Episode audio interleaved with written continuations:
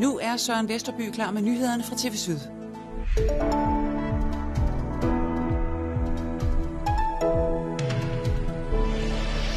Samtlige 256 minkfarme her i vores område skal lukkes. Men det er ikke kun dem, der nu skal dreje nøglen. Hele branchens følgeindustri rives med i faldet. Men man tænker jo, det man har været med til at bygge op igennem, øh, for mit vedkommende 36 år, at det lige pludselig blev slettet med en pindestrøg. God aften, så er vi i luften med fjernsyn lige herfra, hvor vi bor. Velkommen.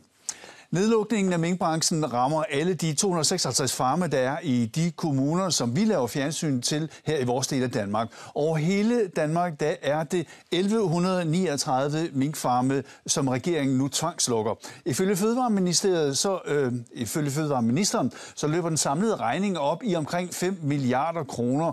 Men det er alt for lavt sat, det siger Henning Otte Hansen her. Han er forsker og seniorrådgiver ved Københavns Universitet. Han vurderer, at den samlede pris for Danmark bliver dobbelt så stor, 9-10 milliarder kroner. Man mister flere års indtjening og en masse investeringer i anlæg, uddannelse og mennesker, og også brandet Copenhagen før går tabt, siger han til bladet, der hedder Agri Watch.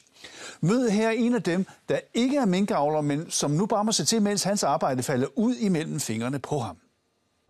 I 36 år har Ole Christensen kørt med minkfoder.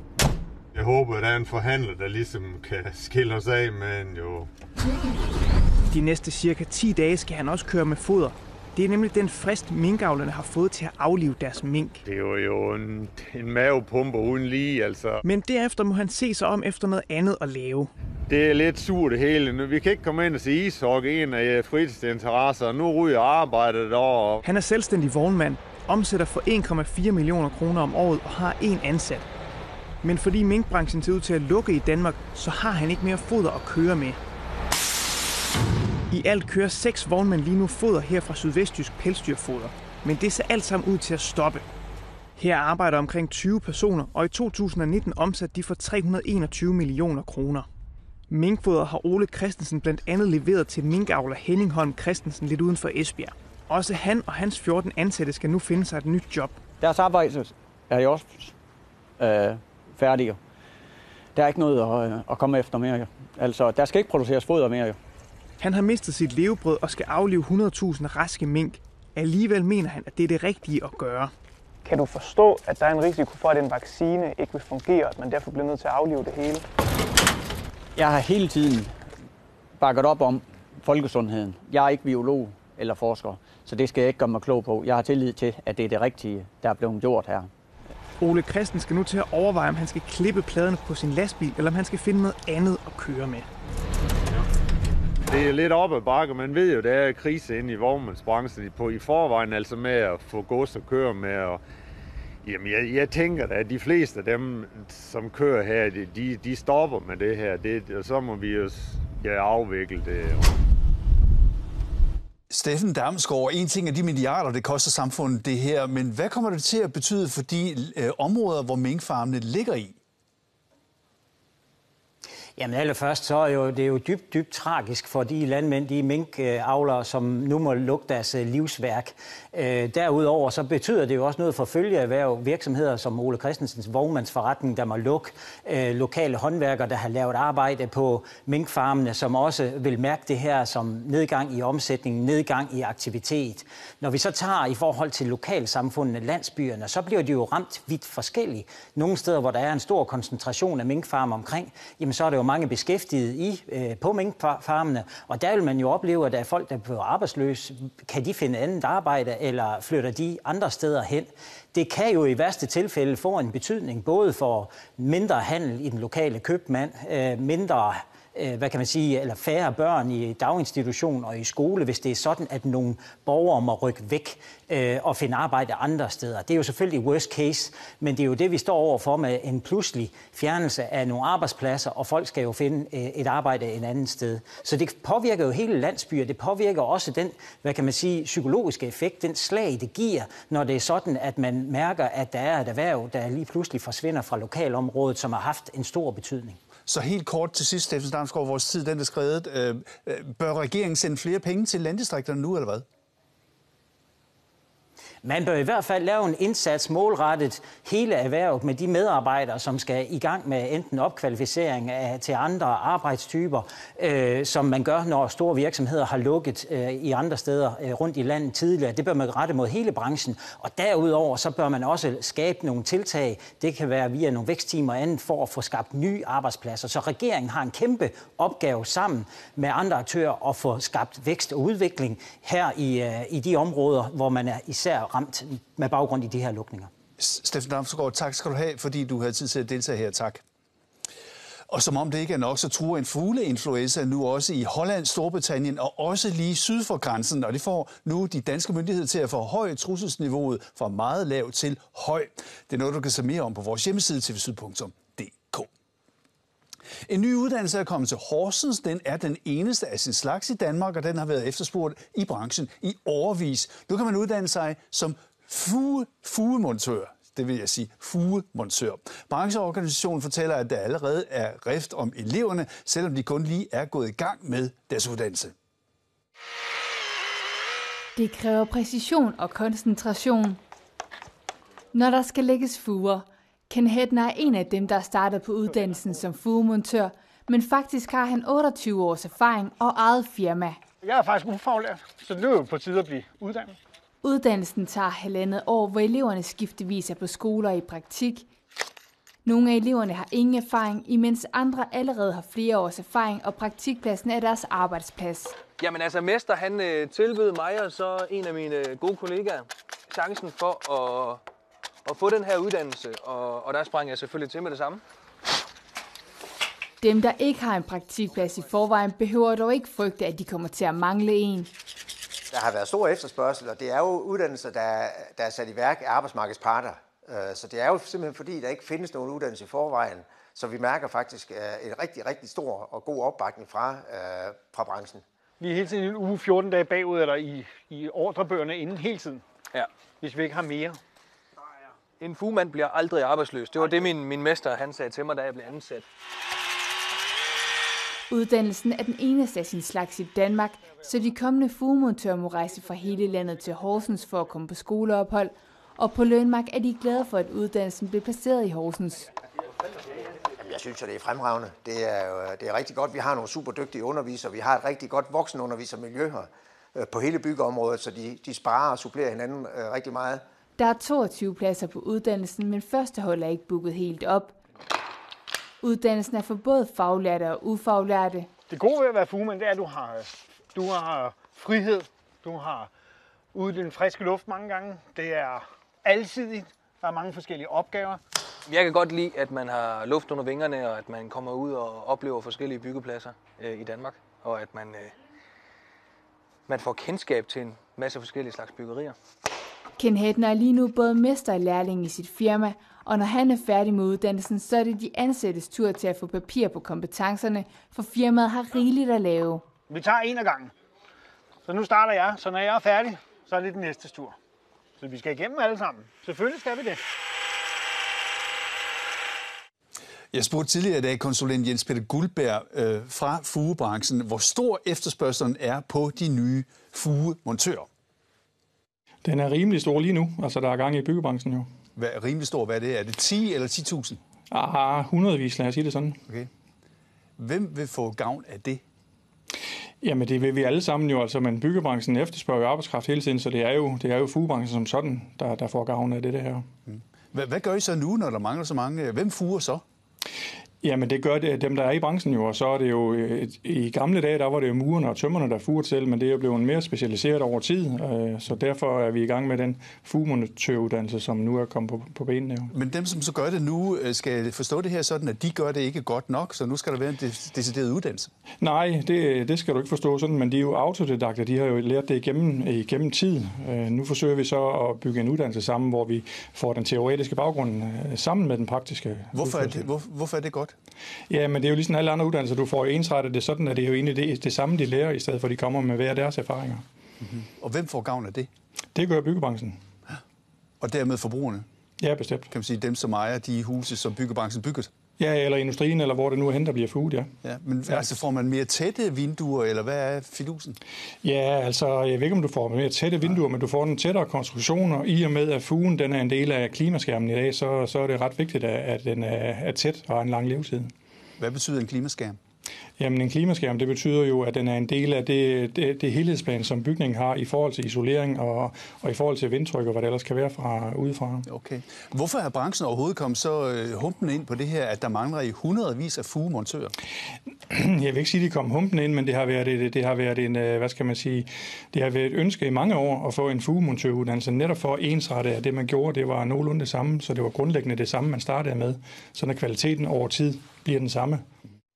Og så skifter vi emne. Der er kun et par måneder tilbage af et markant år i Sønderjylland. Året, hvor vi fejrede, at grænsen for præcis 100 år siden flyttede sig fra Kongeåen til der, hvor den ligger i dag, og den vil blive Sønderjylland genforening med Danmark. Og selvom coronapandemien har stoppet langt de fleste af de mange, mange arrangementer, der året igennem skulle fejre genforeningen, så har det markante jubilæum indprintet sig hos danskerne. En måling, som Opinion har lavet for Kulturministeriet, viser, at før genforeningsåret var det kun 8 procent af danskerne, der anede noget som helst om genforeningen. Men nu er det 24 procent, altså tre gange så mange.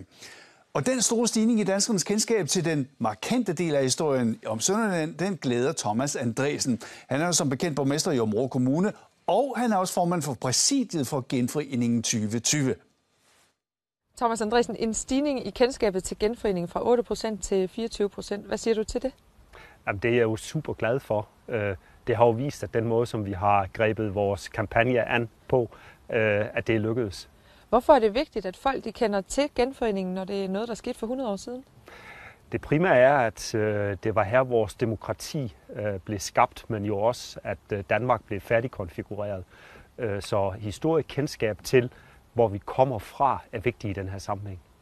I har jo haft en kampagne, der har kørt trods corona. Hvad tror du, I har gjort rigtigt for at komme så bredt ud?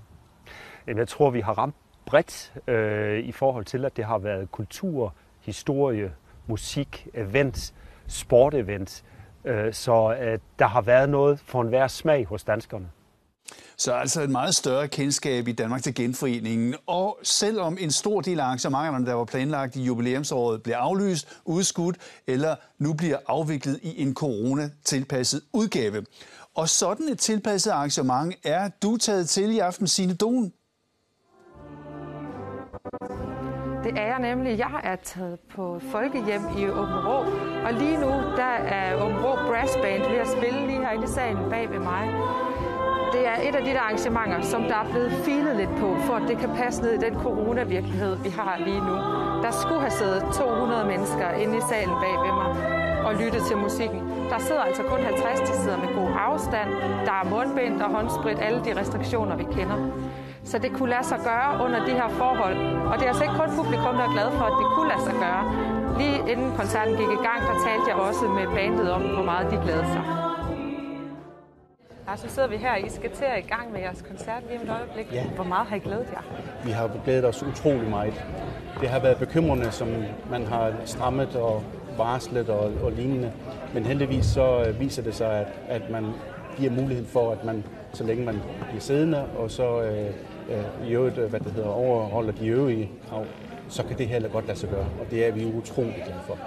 Hvordan har det været at være brassband i øh, en coronatid? Det har været rigtig strengt. I foråret, da det var nedlukning, der var vi nødt til at, at helt lukke orkestret ned, og vi kan bare mærke, at det samvær, vi har osv., det savner vi. Udover musikken, så savner vi også samværet. Så øh, efter sommerferien, hvor det gav mulighed for at åbne op igen, det var en stor glæde, men, men, men det påvirker os stadigvæk, også øh, i dagligdagen. Det gør det. Den her koncert i aften, der skulle der have været 200 mennesker, nu kommer der så 50. Men hvad er det for en oplevelse, de kan, kan forvente sig? Jamen, de får en, en, en anden kombination af vores sædvanlige koncerter, fordi at de almindeligvis er monologer, forstået på den måde, at vi spiller en koncert over for publikum, men her der øh, involverer vi en foredragsholder med rigtig spændende indhold, så det er bestemt noget, der vil se frem til. Vi har kombineret med en sanger, som øh, vil supplere øh, i koncerten, så de får sådan en helt bred vifte af både det ene og andet, og så er det kendte sønderjyske sange og, forbindelse til genforeningen og, og det her. Rigtig god koncert til jer. Tak skal du have. Så det altså lade sig gøre ved den her koncert i Folkehjem. Og de øh, publikummer, der er mødt op, de kan se frem til en aften, hvor der er brassbandmusik, hvor der er foredrag. Og lige nu der er der er en sangerinde i gang med at synge en sang, som øh, øh Sigurd Barrett har skrevet om genforeningen. Så der er en hel masse ting, de kan få med øh, at opleve. Men det har været et anderledes år, og der har været rigtig mange ting, der ikke er blevet til noget. Vi har været en tur i arkivet for at se, hvordan øh, corona har indvirket på genforeningsåret.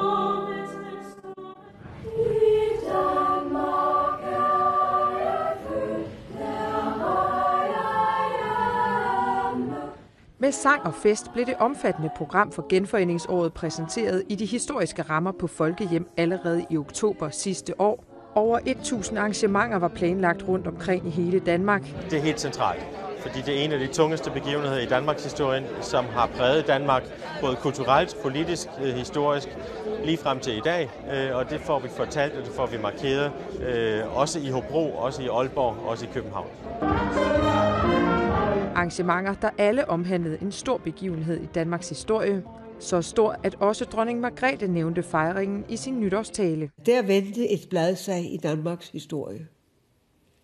Det kan vi godt være bekendt at fejre, når årsdagen kommer. Og det vil vi fejre. Så det var en glad og forventningsfuld Thomas Andresen, der tog hul på et travlt år i januar. For mig er det nærmest øh, juleaften igen, hvor jeg løsner det røde bånd, og øh, mange af de ting, vi har planlagt nu igennem de sidste to år, at det øh, udfolder sig. Der vil være nogle kulturarrangementer, som jeg glæder mig til. Øh, der vil være noget musik, der vil være noget teater. Og hele Danmarks opmærksomhed var for en stund på Sønderjylland, da statsministeren den 10. januar skød feståret i gang med en gallaforestilling på det Kongelige Teater i København. Det er vigtigt, at hele Danmark bliver nysgerrig på, hvad genforeningen egentlig har betydet for det at være dansk i dag. Fordi jeg fornemmer, at der er rigtig mange, der sådan spørger om det og undrer sig, og der sker meget ude i verden, og hvor er vi henne som danskere? Og der ligger der en rigtig stærk fortælling her om respekten for den enkelte, men også fællesskabet. Allerede den 10. februar var første højdepunkt, da man flere steder fejrede 100-året for den afstemning, der sendte Sønderjylland på danske hænder igen. Blandt andet her i Toftlund. Og så skal de selvfølgelig høre en masse historier, blandt andet dengang Christian 10. han kom på besøg. Det gjorde han i øh, sommeren 1920 efter afstemningen. Men blot en måned senere kom corona, og dermed blev en stor del af genforeningsfejringen parkeret. De største datoer blev markeret i coronaens skygge. Ja, hvis du bare kan stå helt stille, så er vi Blandt andet den 15. juni, der var 100-året for den officielle overdragelse af Sønderjylland. Det har været utroligt dejligt, og jeg er jo øh, oprigtig ked af, hvor mange festligheder, der enten er blevet aflyst eller udskudt. Øh, og det her det er så en af de dage, der, øh, der, der virkelig skal, med de rammer corona nu sætter, have noget, øh, have noget liv. Og her er det billeder fra den 10. juli, hvor man i Christiansfeld markerede, at kong Christian den 10. red over den gamle grænse for præcist 100 år siden. Så det har altså været et meget anderledes øh, genforeningsår i år. Og vi er trykket uden for salen her. Jeg har fået Simon Faber med mig. Simon, du er formand, eller du er hvad hedder det, projektleder på hele det her genforeningsprojekt. Hvordan har det været at være projektleder for det i år? Ja, det blev jo meget anderledes, end vi havde tænkt. Vi havde en færdig masterplan, øh, som vi rullede ud, øh, og så kom corona i øh, marts-april øh, og ændrede det hele. Øh, men vi har jo så øh, brugt noget energi på at lægge det om, øh, så en hel del har vi rykket her til efteråret, øh, og så er der rykket en hel del til næste forår. Men, men I har jo sådan løbende måtte tilpasse det. Nu står vi til et arrangement, som også er blevet tilpasset, sådan at det kunne blive til noget. Hvordan er det så at være med her, trods alt? Jamen, det er jo sådan set rigtig godt, øh, og vi har jo fået flere hundrede arrangementer på plads her i sensommeren og efteråret, så på den måde er det jo rigtig dejligt, øh, og man kan mærke, at folk tager det til sig og nyder, øh, at programmet kører. Også nogle ting, som er blevet udskudt, som øh, man måske kan sige, dem, dem kan man have til gode til næste år. Hvordan er planen Ja, vi for... har rykket en stor pulje her til sensommeren og efteråret, så har vi rykket en anden stor blok til maj og juni øh, næste år. Øh, og der har vi så også nogle af de store begivenheder i kalenderen, så vi glæder os til ligesom at revitalisere genforeningen i per 1. maj. En af de der store trækplaster, der skulle have været i år, det var, at dronningen skulle have været på rundtur rundt i øh, vores landsdel hernede og øh, være med til at markere det her. Hvordan ser planerne ud for, om hun kommer? Det skulle have været afslutningen her i juli i år, øh, og den afslutning har vi så rykket hen til midten af juni øh, 21, øh, og der er vi meget fortrøstningsfulde, at øh, det ligger i dronningens kalender. Så, øh, så vi krydser fingre for, at hun øh, finder tid til det. Hun finder tid, og hun har lyst, er jeg sikker på. Ja. Men man kan sige, at det der med, at I har lagt det i maj-juni, har det også haft noget at gøre med at, at ligesom skulle ud over en forårssæson og være, være nogenlunde fri af, af de der øh, corona-måneder måske? Ja, tanken var, at øh, nogle af de lidt større aktiviteter, øh, det kræver måske lidt plads, det kræver, at man kan rykke ud i det fri, så dem vil vi ikke lægge her i efteråret, så der har det været meget bevidst, at vi skal lægge dem i sommer øh, og forårsfarver, øh, som de også oprindeligt var tænkt til. Men så når man står og, og kigger tilbage på det hele, og hvordan øh, øh, verden har været, er, det så, er, er du så fortrøstningsfuld? Er du, er du glad for, at noget kunne lade sig gøre, eller er du lidt ærgerlig over, at, at øh, det blev sådan her? Det blev meget anderledes, men, øh, men kan man sige, intet så skidt, det ikke er godt for noget. Øh, Der har faktisk været noget plads til fordybelse undervejs, som vi måske ikke ville have haft i det oprindelige program. Og vi har nogle fantastiske tal på, hvordan danskerne har taget det til sig. Øh, Så vi er faktisk gladere, end man skulle tro. Tak for det. Selv tak. Også øh, her på TV Syd har vi planer om at øh, genoptage vores markering af genforeningen. Vi nåede to genforeningsshows, men vi arbejder på at komme igen i det nye år. Mere om det senere. Lad mig også lige sige, at øh, der inde på vores hjemmeside ligger 100 korte film om genforeningen. Se dem på tvsyd.dk, hvis du vil. I dag gav fire klasser fra Bilundskolen en hånd med, da Bilunds nye skov skulle plantes. Og ikke nok med det, de har også tegnet kortet over skoven. Der blev i bogstaveligste forstand gået til stålet, da syvende af hjælp med at plante træer i Bilunds nye skov ved siden af vandværket. Vi har plantet syv til sammen. Ja. Bilundskolen er sammen med Plante Træer Kommunen gået i gang med at skabe skov. Eleverne har været med fra starten. Vi har øh, haft en øh, klasse ude og måle op og have plant træer efter det mønster, de har øh, selv har tegnet. Og øh, de gik bare til den. Også i dag kan jeg se, at øh, der er virkelig blevet gravet mange huller. Øh, Jeg synes, det er sjovt, fordi så kan vi komme tilbage øh, senere, og så kan vi sige, at vi har været med til at plante de træer. Set oppefra kommer skoven til at ligne skolens logo, som det ses på gavlen her. Hvad kan I bruge det til, når I får børn i gang? Øh, Vi kan bruge det til, at så kan vi gå en tur i skoven og sige, at det er os, der har været med til at plante dem. Er de så trætte, når de kommer hjem? Ah, de skal nok ikke have fyldt alt for meget øh, matematik på nu her bagefter. Fire klasser var i dag i gang med at plante træer. Mange flere skulle have været med, men coronaen i ved. Hvordan er det her på en skala fra 0 til 10 i forhold til andre skoleting, I laver? 10. 10. Ja, vi slutter så den udsendelse tilbage, hvor vi lige var øh, på Folkehjem i Åben Rå. Åben Rå Brass Band fik endelig lov til at trutte i hornet igen i genforeningens navn. Og dermed siger vi tak for nu. Vi er her igen med de sene nyheder kl. 22. Ha' en god aften.